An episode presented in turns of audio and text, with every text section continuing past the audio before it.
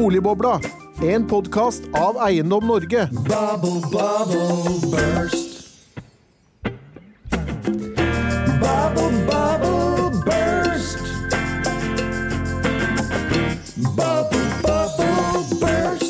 Hjertelig velkommen til en ny episode av Boligbobla, denne gang om renten, kronen og boligmarkedet. For tross spådommer om rentefølsomhet har boligmarkedet vist styrke i de første månedene i 2023. Men hva nå når renten skal enda høyere for å nå inflasjonsmålet? Og hva betyr den historisk svake kronen for både boligmarkedet og norsk økonomi? Og kan vi i det hele tatt pengepolitikken nå både inflasjonsmålet, mål om sysselsetting og produksjon, og unngå at kronen blir for svak. For å få oss gjennom dette omfattende temaet har vi fått med oss noen eh, spennende gjester. Hjertelig velkommen til deg, seniorrådgiver i SSB, Ola Slettebø. Hjertelig takk. Og selvfølgelig også sjefsøkonom i Eika-gruppen, Jan Ludvig Andreassen. Hjertelig velkommen til deg. Jo, takk. En ære. Nære. Og som alltid, Henning Lauritzen, Eiendom Norge-direktør. Hjertelig velkommen til deg. Takk, takk. Henning, du har jo presentert boligpriser to ganger i år. Januar og februar. Eh, til alles overraskelse så har det vært mye sterkere enn eh, det så ut som før jul. Hvorfor det? Til tross for renteøkning. Ja, nå, nå, så vi jo i pengepolitisk rapport i dag at uh, Norges Bank var kanskje litt forundret, de også. Uh, jeg, jeg, tror vi må skru tiden litt tilbake til den, uh, den prisnedgangen vi hadde i høst. Da begynte tilbudet av boliger også å gå kraftig oppover. Og så stabiliserte det seg utpå senhøsten. Og så gikk vi inn i dette året uten å ha et sånn veldig stort tilbud, faktisk lavere enn før pandemien. Samtidig som eh, vi jo fikk noe som var veldig viktig, det var disse lettelsene i utlånsforskriften.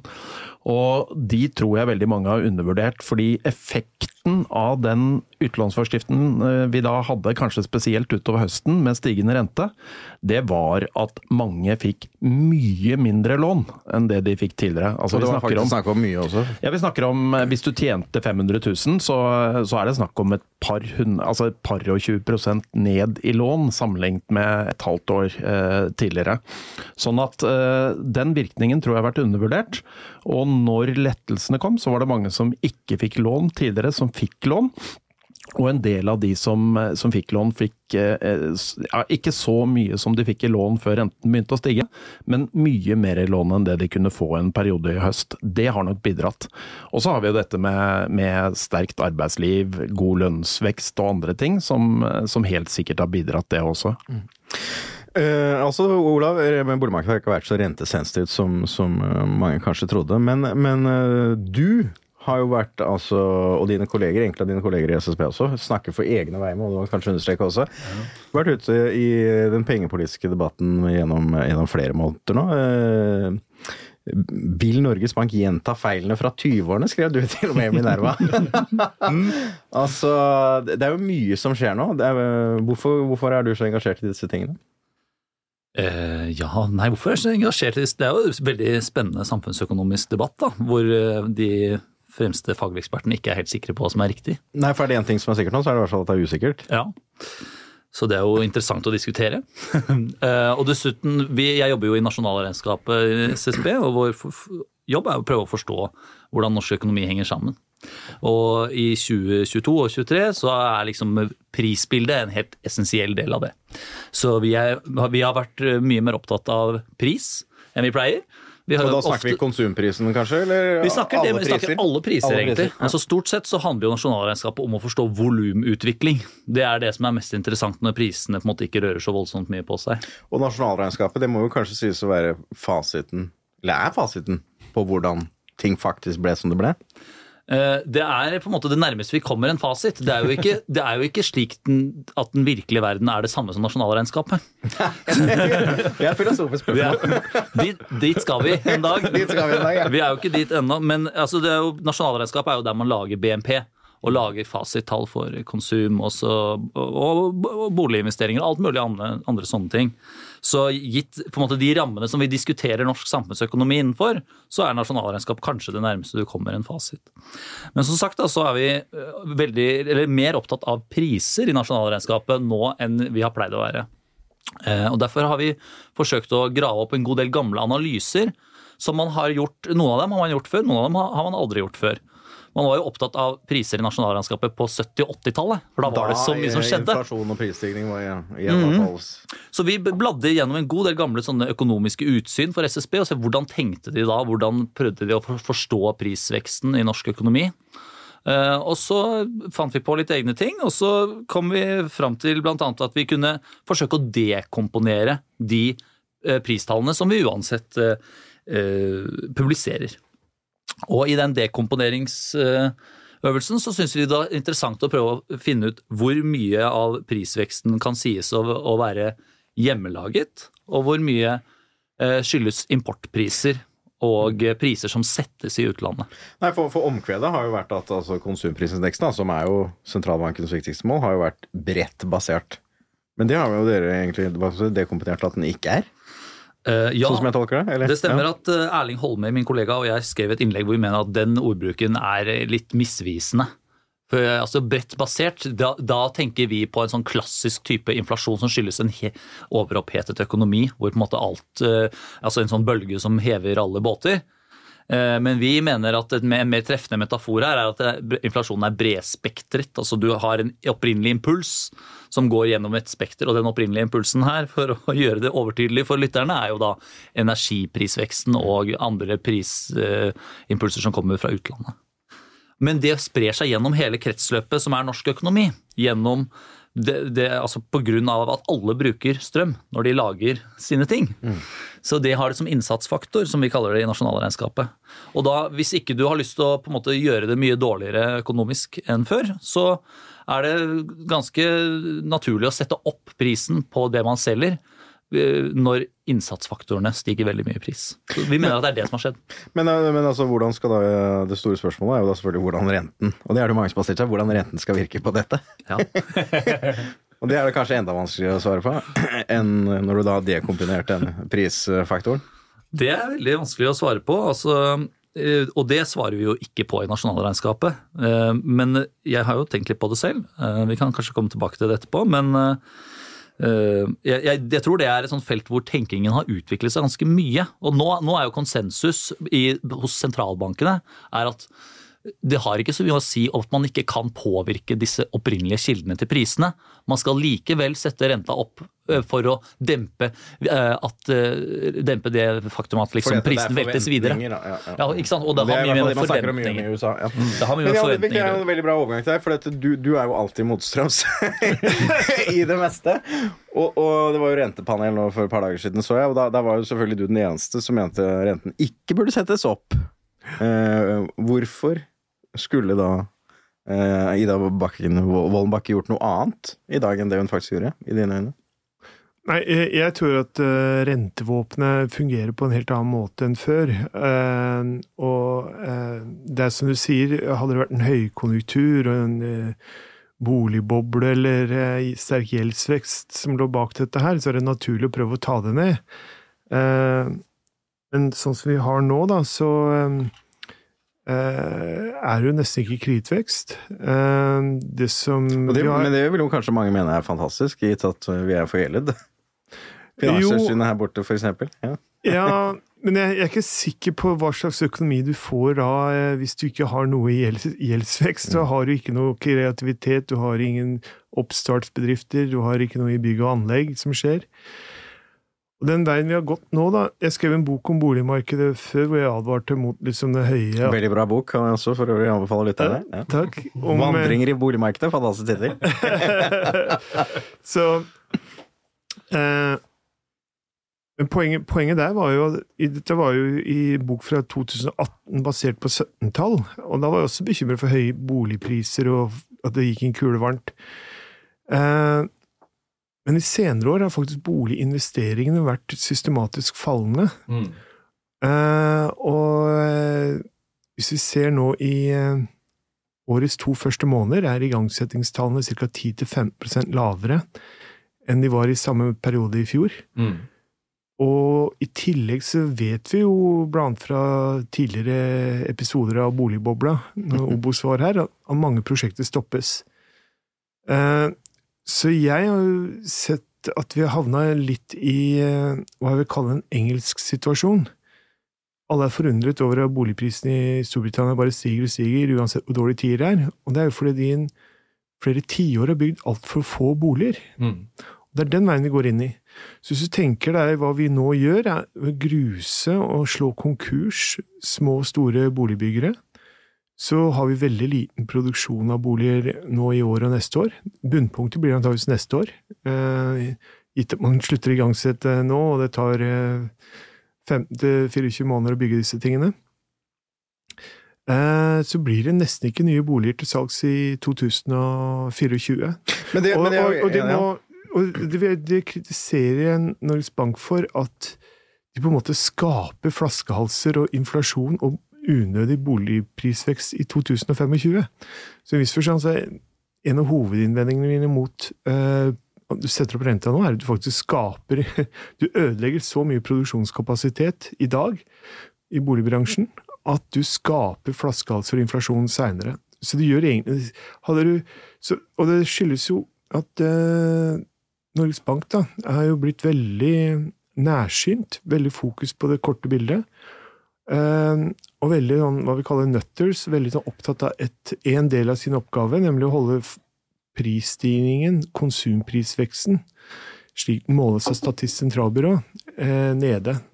Mens eh, jeg tror gamle dager så hadde du mer sånn eh, helhetlig perspektiv på hvordan det gikk i norsk økonomi, og hvor, hvor, hvor er det vi egentlig ønsker å føre samfunnet fremover. Eh, og det er ikke nødvendigvis sånn hvis du eh, gjør alt du kan for å få inflasjonen ned i 2% i april 2023, at det er bra for den langsiktige prisveksten og langsiktig oppnåelse av inflasjonsmålet, finansiell stabilitet og full sysselsetting. Men, men altså, nå er jo det som er kommet som en eh, hva skal vi si, kall det stor overraskelse, i hvert fall kommet som en kule, det er jo ikke kronesvekkelsen. Altså, Vi rakk jo å se på pengepolitisk rapport før vi gikk inn her. altså, Det de tillegger den effekten, det er jo rentedifferansen mellom Norge og andre land. Og Ja, det det, de sier der, er jo det at Norge har for lav rente mot Europa og USA. Og at da kronen ikke er interessant. eh, Det var veldig interessant, fordi når jeg var i Sist gang, når renta var på vei oppover Norges Bank var jo først ute med å sette opp renta de store. Nei, Da var svaret at nei, renteforskjeller det påvirker ikke kronekursen. Ja, så man tilpasser kartet etter terrenget her. Det er det du sier.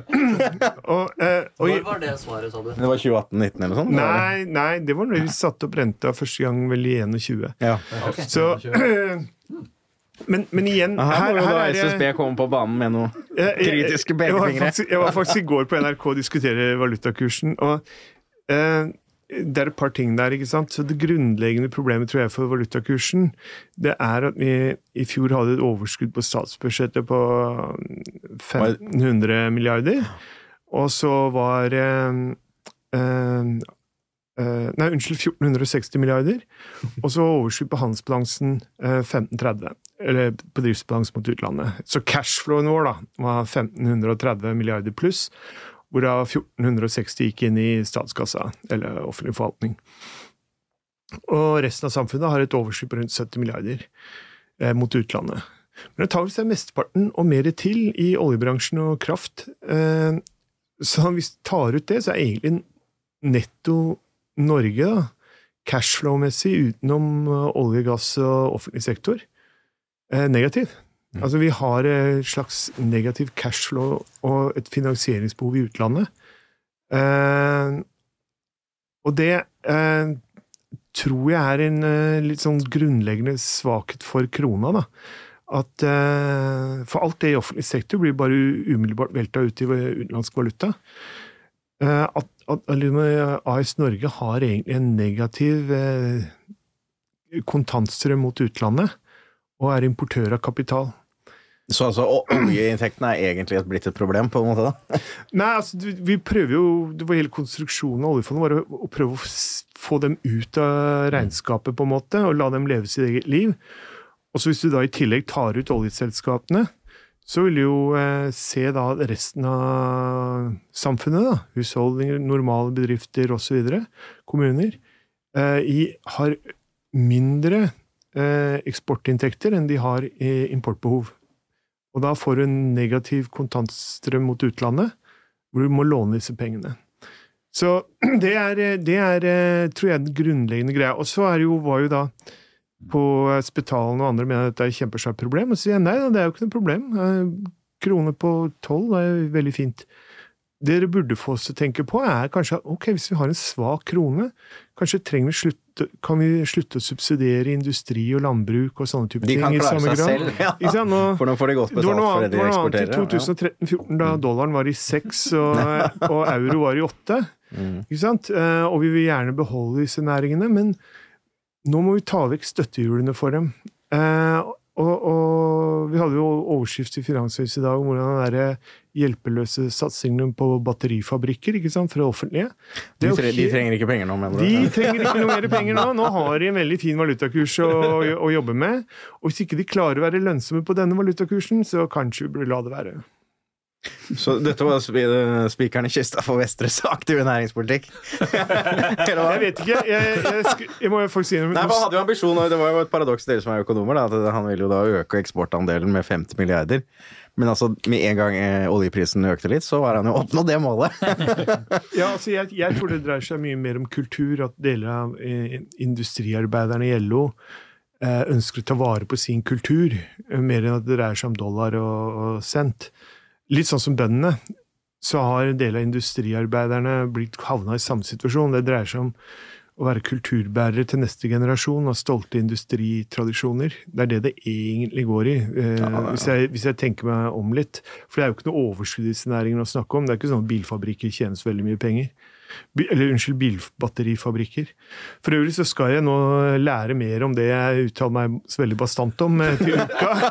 Da skal jeg, da skal jeg opp til Skellefteå og, og se på en sånn bil, bilbatterifabrikk. Eh, Nordens største og for så vidt eneste, tror jeg, som er operativ. Eh, Northvolt i Skellefteå. Men når vi bare kommer tilbake til hva vi egentlig tenker på, da. Altså, Norge er et aldrende samfunn.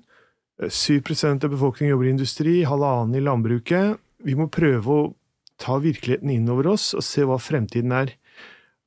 Og det derre typen å strupe boligbygging og for, hva det skal være godt for, det er jeg veldig usikker på. Og for den saks skyld, så hvis du ser mot Big Mac-indeksen, hva koster en Big Mac i USA i forhold til Norge? En slags sånn folkelig mål på eh, kjøpekraftsparitetsteorier i valutamarkedet, så er fortsatt en Big Mac 20 eh, dyrere i Oslo enn i New York. Så eh, det er ikke sånn at en, en, Og en handle, gjennomsnittlig handlekurv er fortsatt litt dyrere i Norge enn det er i Sverige. Så det er ikke sånn at krona er vanvittig svak og dette er et kjempestort problem og sånn. Ok, da blir vi alle må ha norgesferie istedenfor å reise til utlandet. Den Og det ser ikke ut som det er det folk vil, da. De vil til utlandet. Ja, ja, ja, ja. Det sånn å den lese gjengen av er- feriene. ja. Men det her er liksom derre Vi tilpasser oss. Utlendingene kommer hit, ja. Og jeg, jeg, jeg kan ikke s- med det blotte øyet da, se liksom at uh, eh, dagens kronekurs er noe stort samfunnsproblem. Olav, paripolitikken visste jo du til. Da. Det var, hva var det de holdt på med da? Jo, det var jo det at de skulle ha valutaen til et fast mål mot gull, var det ikke det? Eh, Altså, eh, kan det bli et problem, dette her? Den svake norske krona? Og er det et problem? Det spørs jo veldig hvem du spør, da. For den rammer jo veldig ulikt. Eh, For eh, husholdningene som eh, importerer mye, så er det jo kjedelig isolert sett når Ting og tang blir dyrere. For staten er det jo egentlig litt hyggelig. Han har jo, har jo en annen sammensetning av sitt konsum. Men eh, om det er et stort problem sånn på lang sikt, det det, det er litt eh, Det vanlige faglige svaret vil vel, si, vil vel være at det, det er kanskje ikke det. Og, og jeg tror også mange sånn i pengepolitiske miljøer vil si at det er egentlig ikke Norges Banks oppgave under inflasjonsstyring å drive aktivt forsvar av krona.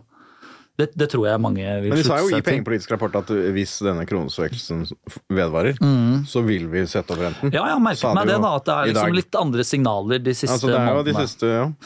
Ja, eh, og, og, men da viser de jo til på en måte krona som eh, et moment i eh, norsk inflasjon. Mm. Altså De sier at hvis krona på en måte vedvarer å svekke seg, så, Ja, det så blir jo gjennom inflasjonsmålet de egentlig viser det til dette. Ja, da vil jo liksom den importerte inflasjonen bli enda mer merkbar. Mm. Det er det jo for så vidt uh, noe i. Uh, jeg, jeg tror også, men jeg tror konsensus da liksom inflasjonsmålet ble innført, at da, ma- da skulle man ikke se så veldig hen til importert inflasjon. Det skulle dreie Nei, seg mye om det som skjer i Norge. Nettopp. Og, og jeg vil også få lov å si at eh, det var ikke sånn når krona var veldig sterk og vi hadde tilnærmet deflasjon, at jeg syns renta burde vært satt ned av den grunn. Eh, det er liksom som man må tenke seg litt på hva, hva man har mulighet til å påvirke og ikke påvirke. Eh, så vil jeg si også en annen det, som vi ser nå i forhold til gamle dager, vi snakket jo om Martin Mæland i Obos, ordentlig gamle dager, hvor det var sterke menn som hadde overordnet styring. Nå holder Stortinget på med sitt budsjett, og så holder Ida på med sitt inflasjonsmål, og så tilsynet holder på å sikre at alt går rett for seg, men ingen ser egentlig helheten. Um, og uh, uh, det er klart det at folk på gulvet da, som kan ta ut store lønnstillegg, de må spørre seg hva er vitsen med å være måteholden. Vi var måteholden nå i flere år. Kjøpekraften i, for en indu- vanlig arbeider i Norge er lavere i dag enn den var i 2015. Hva er det vi har fått betalt for det for? Vi får jo den samme renteutviklingen som i utlandet. Så egentlig er det ikke noe vits i å ha det der eh, inntektspolitiske samarbeidet. Her Fra bare, Frontfagsmodellen, ja. ja. ja, ja, e- egentlig Ja, Nå er jo hele, he, hele pakka, egentlig. Hele pakka rakner litt, på en måte. Dette er jo bane i kirken i Norge. Nei, ja, det var det. I Arendalsuka var det liksom at Stein Lier Hansen sa ja, eh, vi kan ikke snakke sammen, ikke sant. Så, men, eh, men nå er det jo satt ned et utvalg, og legg merke til hvordan det kom. Ikke sant? Det kom med et sånn LO og NHO ville lage et lite eget utvalg. eh, Hvor det eneste som ikke skulle diskuteres, det var eh, frontfagsmodellen. Og så kasta de alle andre seg på, og nå er det blitt et kjempesvært eh, utvalg hvor alle er med og skal diskutere hva som helst, inklusiv eh, frontfagsmodellen. Eh, og, jeg, og jeg er veldig jeg, jeg tror den har sin misjon, da. Men det må være sånn at alle spiller litt på lag, ikke sant? Eh, Ja, det er Men, men den overordnede rollen som du sier ingen tar, det er jo ingen som kan ta den utenom politikeren, er det det? Nei, og, eh, jeg, og jeg, jeg tror at eh, måten vi havna hit på, det var eh, noe lignende jeg hørte Tony Blair snakket om sin tid. da. Der han ha- hadde et vanskelig problem, så lagde han ekspertutvalg for å komme med en anbefalt løsning, Men det er jo- som tilfeldigvis eh, kom på den løsningen han selv ønsket seg i utgangspunktet. Det var sånn Erna Solberg holdt på. Ja. Ja, men det er jo sånn Og også så og så holder da politikerne seg unna de områdene som blir for komplekse og kompliserte. Gud veit hvor mange, Gud vet hvor mange utvalg den regjeringa har satt i gang, men dessverre så tror jeg ikke den veit hva slags konklusjoner den ønsker at utvalgene skal komme til. Så den, disse utvalgene lever litt i limbo, da, hva vi skal finne på, liksom. Fordi det er jo veldig noen subjektive valg du må ta. Du må våge å ta valget nå, da. Ja, og da tenker jeg at Det er noen som hevder at re, var det reprivatiseringsutvalget eller noe sånt? Da var det noen som mente at de ville styre. Men det kan vi holde oss unna. så anyway, og, og særlig sånn, med bolig- og regionspolitikken, så er- blir veldig sånn stemoderlig behandlet. Eh, Oslo er jo 500 kvadratkilometer. Det er 150 kvadratkilometer som er bebyggelig, resten er liksom vann og marka og så videre. Og så vil folk si ja, ja, men la oss ta det. Men hvis vi holder det hellig, som det er i dag, så er det 150 kvadratkilometer. Og selv senterpartister de pøser på med nye bygg inni her. ikke sant? De, de De har tenker ikke på hovedkvarteret sitt her også. de, de tenker ikke, Folk tenker ikke på at eh, det må jo bli press, det må bli høye boligpriser, må bli mye gjeld ikke sant? av at du driver den type sentralisering. Og så setter du bort til da Baltersen skal holde gjelda nede, renta skal opp, og stramme budsjetter osv. Så videre. Så det er veldig merkelig at vi ikke klarer å se helheten av hva vi holder på med. Hadde du f.eks. flytta eh, storting og regjering og regjeringskvartal ut av byen Ja, vi prøvde å få NRK ut, men det var ingen som hørte på oss. Nei, og det samme, samme sier jeg. Får du vekk, ikke sant, så vil boligprisene i hovedstaden Der er det nå ja, so, runder oppover da, til rundt 100 000 per meter. I resten av landet er det rundt 40 Du ville jo fått ned boligprisene på den måten der, eh, men det er det ingen som vil. Så er det så veldig sånn torturert at eh, å nei, vi, vi skal sentralisere, vi hjelper meg, og Men nå, nå tar vi 600 000 fra Fattighuset for å dempe inflasjonstrykket og setter opp boliglånsrenta. Det blir veldig eh, merkelig. Men altså, Olav, hvis det er noen som liksom skulle tenke stort og ta det overordnede grepene, i hvert fall rådgivende de store overordnede grepene, så er det jo dere i SSB. Altså, det- Strengt talt er det noen institusjoner i Norge som liksom har stått for hva skal jeg si, fornuften, kunnskapsbasert. Så er det jo deg!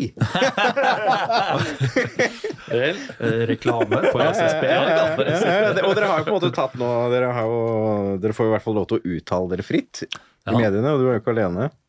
Nei da, det får vi lov til. Og det er jo et stort eh, framskritt fra min forrige jobb i Finansdepartementet. Der må du liksom sitte Ja. stille på ditt eget kontor og tenke ditt.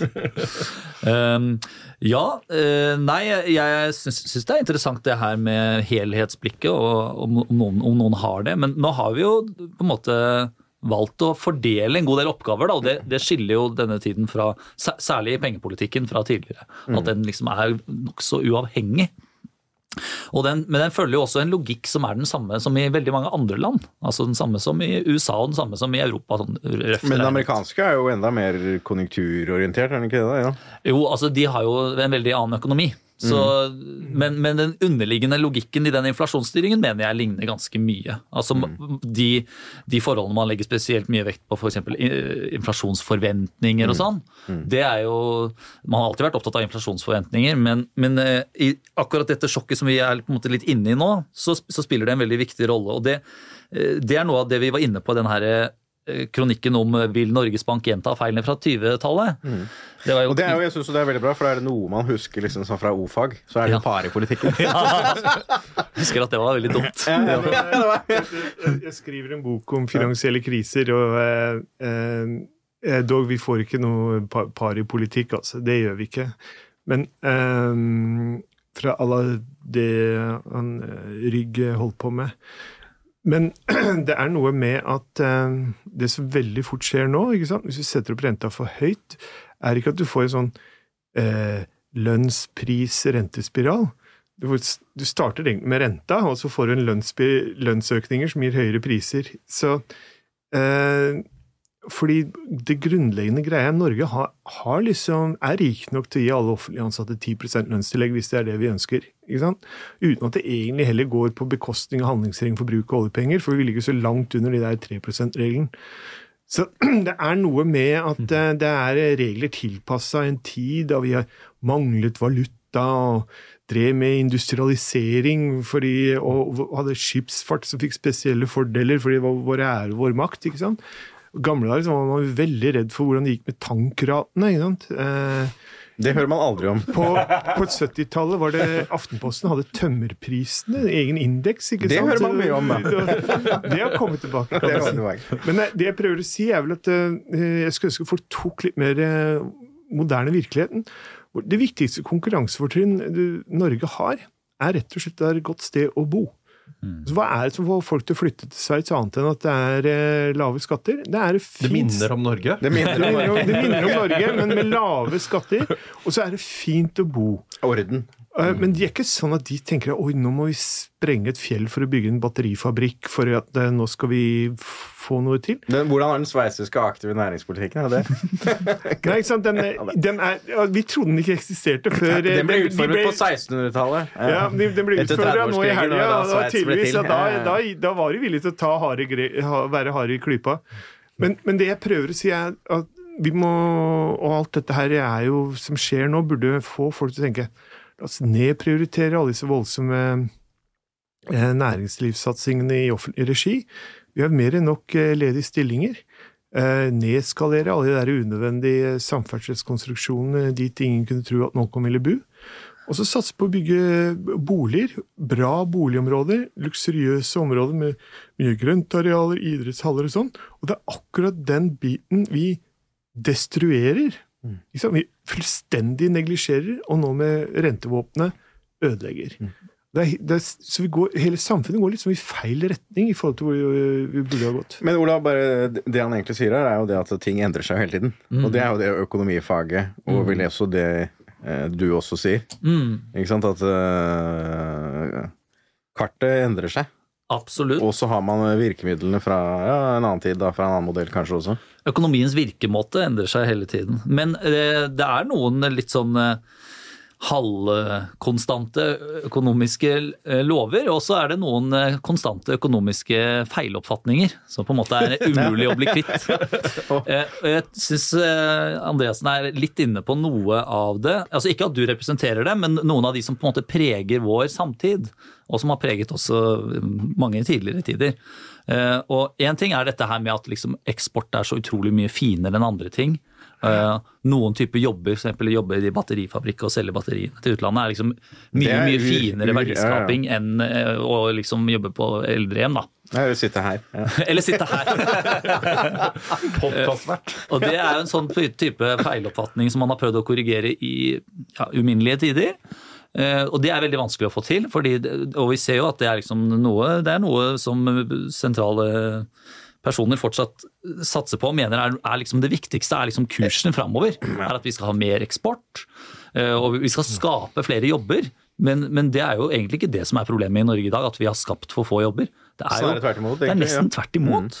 Og så eh, ja, et par, et par andre feiloppfatninger som vi kan eh, la ligge per nå. Men eh, jo, var det Jo, det var det der eksporten. Jo, vi trenger jo eksport for å finansiere import. Det, det er liksom the basics. Og vi har gode eh, eksportinntekter, eller vi har gode valutainntekter fra før. Så Norge har, Norge, selv til, til tross for det resonnementet du presenterte i stad, så har jo Norge nok eh, valuta til sin import. Ja, jeg prøv, prøvde Mm. å få det frem. At mm. vi, eh, vi, har, altså, vi har store reserver selvfølgelig Mm. i offentlig sektor og sånn. Jeg bare prøvde å forklare hvorfor krona er svak nå. Ja, ja. Den er fordelt inn i Alle disse enorme inntektene er fordelt inn i offentlig sektor og ikke i den private. Den private eks olje og eks Det kan godt tenkes at det er noe i det resonnementet, men, men uh, uansett så, Så jeg er, er, ja, ja, jeg, jeg ser det. Men, men hvis vi bare si Men, vi trenger da. ikke Jeg- desperat mer eksportinntekter i Norge. Nei, det, det er mitt poeng. Jeg, jeg har vært i mange sammenhenger hvor jeg har akkurat gjentatt det du sa om at en time på gamlehjem er like mye verdt som en time i industrien. Um, men altså selv, jeg husker jeg var på sånn eh, sykepleiersamling. Da. Og da var det en gammel dame som reiste seg og sa, sykepleier også, reiste seg og sa nei, det er feil. Altså, det, er vi, det er eksporten vi lever av. Så det er en veldig sånn inngrodd eh, det er veldig sånn inngrodd greie, særlig i fagbevegelsen, at det er liksom eh, Noe, er- noe er finere enn annet. Alle mener jo det. og Og den at, eh, helsepersonellkommisjonen som nå er presentert, de, de presterer jo å skrive at de som jobber i eh, helsevesenet, eller de som jobber i velferdstjenester, er netto forbrukere av samfunnets, felles, eh, samfunnets ressurser. Altså, Det betyr jo at de i realiteten ikke bidrar med noe. Betyr at de bidrar ne negativt til BNP, da, må det jo bety. Jo, men det var jo Det er jo godt gjort, da. Det er kjempegodt Hvor var gjort. SSB da den ble Ja, er, vi prøver å melde oss på i etterkant. Ja, ja, ja. Og så- så er det jo sånn da at eh, det er jo Når jeg jobba i oljefondet da, i 98-99, så var jo oljefondet 170 milliarder. Eh, og i Nå var det Jens- 1700 eller sånt. Når, når Jens Stoltenberg var statsminister, det var finanskrise og greier, så sa han det norske folk slapp av. Vi kan gjøre hva vi vil, vi har 2500 milliarder. og nå er vi liksom 14 000 milliarder, og er fortsatt på det derre vi må bygge flere fabrikker i galeien ikke sant, for å finansiere eh, fremtidens pensjoner. Så vi klarer liksom ikke helt å ta vår skjebne innover oss, så det syns jeg er interessant. Så jeg har også hatt en litt sånn dialog med folk på venstresida at eh, Altså, det blir så mye rot. Det er kommunesammenslåinger, kommunesammenslå... Nei, oppløsninger, eh, nye fylker skal skapes, sende lensmenn dit ingen kunne tro at noen politimann ville bo. Eh, alt det der sløser med penger.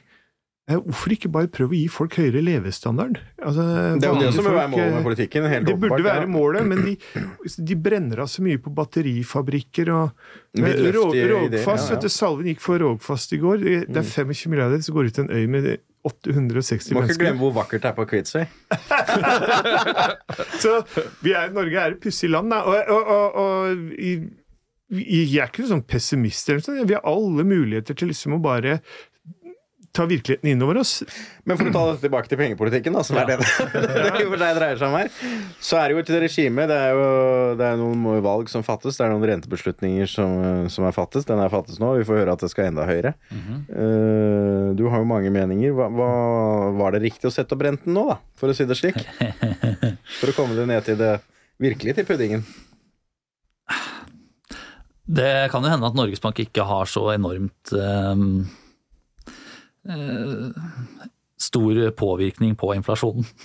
Det, det kan tenkes. Det kan tenkes, ja. Fordi og det er jo egentlig det den analysen dere har presentert også egentlig viser. Ja, ja. Altså, det kan godt hende det er greit å altså, Mitt primærsyn, som ikke er SSB-syn, er at det er veldig vanskelig å drive uh, finstyring av inflasjonen med å sette renta opp og ned. Altså, det er jo litt pussig at de den tankeretningen i økonomifaget som på en måte innførte hele dette systemet, er jo de som aller hardest kritiserer det forsøket på liksom eh, aktiv styring av økonomien med finanspolitikken Ja. på 60-70-tallet. Men de har veldig tro på, på renten. Ja. Men de har veldig tro på at akkurat renten, som, som virker veldig direkte på investeringer i boliger osv., at den skal på en måte finne veien inn til prisene på kaffekopper, prisene på penner og, Og alt hvorfor mulig det rart. akkurat ble 2 er jo også litt artig, for det har kommet en bok nå i februar av økonomijournalist i New York Times. Og Mhm. hun hadde jo da klart å rote frem da eh, møtereferatet da 2 %-målet ble vedtatt Ja, i ja, det- Fed.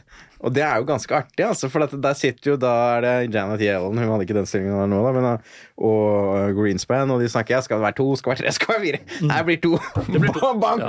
Altså, det, det kan synes som det var mer eller mindre tilfeldig. Altså, det kunne vært tre, det kunne vært fire, det kunne vært fem. Altså, nærmest tenk på et tall. Ja. Og hvis det på en måte er tilfellet som da hun skriver i den boken, så er det egentlig ganske oppsiktsvekkende hvor mye politikk og hva skal si, effekter den beslutningen har fått. På nettopp det du sitter og snakker om. Mm, Ja. Hvis vi skal styre prisene på alt mulig rart. Men det kan jo dette. likevel hende at inflasjonsstyring er det beste regimet vi har. Vi har jo prøvd veldig mange andre pengepolitiske regimer. Ja, Ingen av dem har jo vært helt sånn Nei. magiske. Det har jo stort sett vært slik at man har måttet bare forlate dem fordi man ikke fikk det til lenger. Eh, Også gått over til noe nytt. Så jeg sier ikke at det nødvendigvis er så veldig lett å gjøre det bedre enn det Norges Bank gjør. Eh, Men man må kanskje ha litt eh, realistiske forhåpninger til hva man kan få til med et enkelt eh, styringsverktøy og en veldig kompleks variabel som konsumprisene faktisk er. Det består jo av titusenvis av priser som går i alle mulige slags retninger. Og Håpet er jo da at man skal kunne dra denne her bølgen opp og ned, sånn at alle løftes eller senkes litt sånn jevnt. Men det som skjer her nå, først og fremst, det mener jeg er ganske klart demonstrert, er jo at det er noen ekstremt viktige enkeltpriser som har gått veldig mye opp. altså Kraftprisene doblet seg i 21, og så doblet seg videre i 22. Og så går det videre over til alt mulig annet. Og hvis du skal prøve å kontre det med høy rente, hvis du skal raskt ned på 2 %-målet Det er ingen annen måte du kan få det på enn ved en veldig kraftig svekking av norsk økonomi. altså Da må andre priser begynne å falle mye. Hvis du i snitt skal være på 2% så sier jo ikke Norges Bank det, fordi de driver fleksibel inflasjonsstyring. Så de snakker jo på lang sikt. Så det er jo nokså edruelig, dette her, da. Eh, Men eh, men eh, jeg, jeg tror eh, at hvis, hvis vi skal gjennom et sånt grønt skifte hvor, hvor liksom man må regne med flere energiprissjokk liksom, eh, i de kommende år, eller prissjokk generelt de kommende tiårene, så kan det jo muligens tenkes at det blir en litt sånn dyr fornøyelse da, å holde oss på det der 2 %-målet. Hvis du må hele tiden må kontre det med innstramminger i pengepolitikken. Det var jo i. Arendalsuka, og da foreslo vi å heve til tre. Eh, og så ble jeg kalt inn i Finansdepartementet, og så sa jeg det eneste fornuftige er å heve til tre. Det var sikkert siste gang jeg blir kalt inn der. men, men gamet er vel egentlig det jeg prøver å si, er vel at det er du, Spesielt i krig, altså hvis prisene er 5-6-7% og det, det er krig i Europa, og det var den største skadevirkningen det norske samfunnet fikk i at i en toårsperiode hadde vi hadde rundt 5% inflasjon. Da har vi sluppet veldig billig unna det, tenker jeg. Og veldig mye av dette her som myndighetene nå må tenke på, er liksom at det, nå er det force majeure, og nå må du prøve liksom bare å håndtere sånn vi kommer rimelig Altså, det, er, det er en slags krisesituasjon du i realiteten egentlig er i nå. ja, og, og- og vi har egentlig vært det først med korona, og så med krig, og så videre, og hvordan vi kommer ut av det. Eh, og det er derfor jeg syns det er veldig rart at folk er så veldig fokusert på februar, eh, mars. Mm.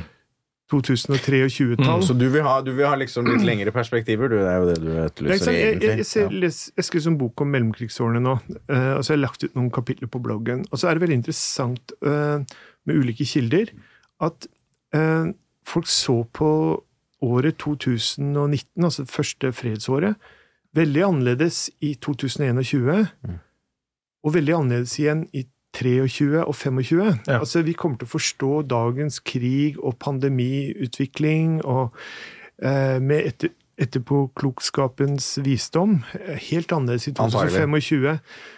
Men at, vi, at folk ikke tar det inn over seg nå Nå, nå er vi liksom der eh, og svaier, og vi er midt oppi det, og kruttrøyken ligger fortsatt på slagmarken. Sånn, det er ikke så lett å, å være så bombastisk. Eh, men vi må prøve å styre skuta som vi er en fornuftig plass i 2025. Og sånn som vi styrer nå, så er vi definitivt ikke på noen fornuftig plass i 2025. Men for å runde av da med boligmarkedet i denne sagaen, Henning. Altså, det som i realiteten har skjedd nå, er jo at utlånsforskriften er blitt konjunkturstyring. Ja, det, eh, det kan man på mange måter si. Altså, I realiteten, altså de boliginvesteringene som, eh, som Jan Ludvig snakker om. Ja, det, det kan man jo på mange måter si. jeg, jeg, jeg, Hvis jeg skulle sagt noe, så ville jeg sagt at nå kan man i hvert fall ta bort resten av utlånsforskriften med den rentebanen vi har fått i dag. Og jeg er jo i likhet med Jan Ludvig veldig bekymret for nyboligmarkedet. Eh, Vi har for tiden kortvarig kraftig befolkningsvekst. Eh, Vi har Og det kan bli langvarig. Ja, det, den kan bli langvarig. Vi har disse nyboligsalgstallene som er jeg vil jo si de er katastrofalt lave. De, er, eh, de begynner å nærme seg finanskrisebunnen. Eh, Jeg tror vi snakker om noen få måneder før vi er der, og vi har igangsettingstall som eh, ryker nedover. Og Det betyr jo at eh, boligproduksjonen er allerede på vei full fart nedover og vil antagelig synke fremover. Og da vet vi hva vi, hva vi får i neste runde. Er Da ikke får vi nasjonalregnskap på boliginvesteringene. Ja, da får vi nasjonalregnskap på boliginvesteringene, og så, og så, så vet vi også at gjeldsvekst og alle mulige andre ting antagelig skal nedover i tiden fremover. Så det, det ser egentlig ikke noe spesielt bra ut for boligmarkedet. Men eh, det er jo en eh, perfekt eh, overgang til den faste spalten som vi alltid avslutter med. For jeg tror vi kunne sittet her nå et par timer. Men det er jo din første bolig. Hva kjente du, hva følte du, hva betalte du? Det kan være fritt å svare på det siste, da. Men Olav, la oss begynne med deg. Ja, min første bolig kjøpte jeg i 2018, september 2018. Og hva jeg tjente da, det var ikke så mye. Det vet du ikke ennå, kanskje? Da. Det bor fortsatt kanskje i den. Ja, Nei, eh, og jeg, hva jeg tjente på å selge den. ja, ja. Nei, hva du kjente du? Hva følte Hva du, kjente eller? du, tror jeg, Ja, hva- Å, jeg bare følte det! Hva følte du? Ja, ja, du kan- det er- det er fri- det er fri. Litt mer HF-spørsmål? Eh, Nei eh, Jeg følte jo at jeg hadde veldig flaks, da. For jeg, jeg, jeg gikk bare på én visning. og så da var det jo jeg- veldig flatt marked da, i den Ja, det var flatt, og jeg fikk den 300 000 under takst. Ja, jeg hadde kjempeflaks, Men jeg måtte jo få hjelp hjemmefra, selv om jeg hadde stødig jobb i staten og alt det der, og, Og seks års høyere utdanning. ja, ja, ja, ja. Til og med Sivek skulle ligge over snittet i lønn. Jeg gjorde ikke det, da. Jeg lå under snittet. Men uh, det gikk nå akkurat. Uh, så det, det var ålreit, det. Fantastisk. Det var følelsen. det var følelsen. Ja, men jeg tenkte nok også Jeg har, tenker alltid når jeg tenker på boligmarkedet, at jeg syns det er et urettferdig marked. Mm. Eh, At det er veldig veldig stor forskjell på de som er inne og de som er ute. Det er det. Og Eh, det, det er ganske vanskelig å kjøpe en bolig og ikke på en måte bli minnet på det. Mm. Det er nok veldig riktig. Godt poeng. Jan Ludvig, din første bolig, hva, hva kjente du, hva følte du? Hva betalte du? Det kan du også fritt Jeg svare på. Jeg skrev faktisk i kapittelet om den i boka mi. eh, Så jeg kom ut av Blindern i 1988. eh, 23 år gammel, jeg var veldig ung. Og jeg kjøpte da en bolig ved hjelp av som kommunal eh, støtteprogram. Selv om jeg jobba i bank, da jeg jobba i DNC, eh, som ble DNB. Så det var altså da- støtte for folk som jobbet i bank også? Altså. Alle fikk Albert-lån, het de. Ja, Eh. For Albert. Nordengen var eh, det var fortsatt Oslo hang i Jeg vet ikke om han fortsatt Han var vel fortsatt som gallionsfigur. Ja. Så anyway um, Så da var Hvis jeg husker rett, så var eh, verditaksten 550, og hus, da var takstene veldig sånn der man tok det på øyemål, eh, disse takstmennene. Uh, og så var det en sånn lånetakst på 490 eller noe sånt. Og så for å være med på budrunden, så sendte jeg en faks, det var faks den gangen, et bud på 435. Og så før jeg liksom rakk å gå vekk fra faksmaskinen, så kom det tilbake som melding om at 'den er din'. og da, og da, da skjønte jeg boligpris, boligmarkedet var i fritt fall. Eh, så den, Det burde var budaksept, altså. For å si det sånn. Og da ble rentene satt opp, og så var det en sånn, sånn greie, da, at eh, disse Albert-lånene skulle gi lave renter til folk. Men så ble det et nytt styre i Oslo kommune, og da ble det fjerna rentefordelen. Så folk ble jo egentlig følte seg veldig lurt da, til å kjøpe. Nei da, men eh, beste historien tror jeg er den der jeg jeg var i 93, og da bød jeg over takst på en leilighet på Sankthanshaugen på 80 kvadrat. Og den natta fikk jeg ikke sove. Endelig hadde jeg fått flytta meg videre fra den første, da, og absorbert tapet. og da fikk jeg ikke sove fordi kvadratmeterprisen var over 10 000. og folk så på meg og sa 'du er jo gæren'! Men nå, eh, nå eh, Nei da, hva skal man si? Ja? Dette her kommer til å gå bra i det lange løp. Før eller siden så gjør vi det fornuftige. Ja, det, det Eh, var en veldig bra siste ord, eh, Jan Ludvig.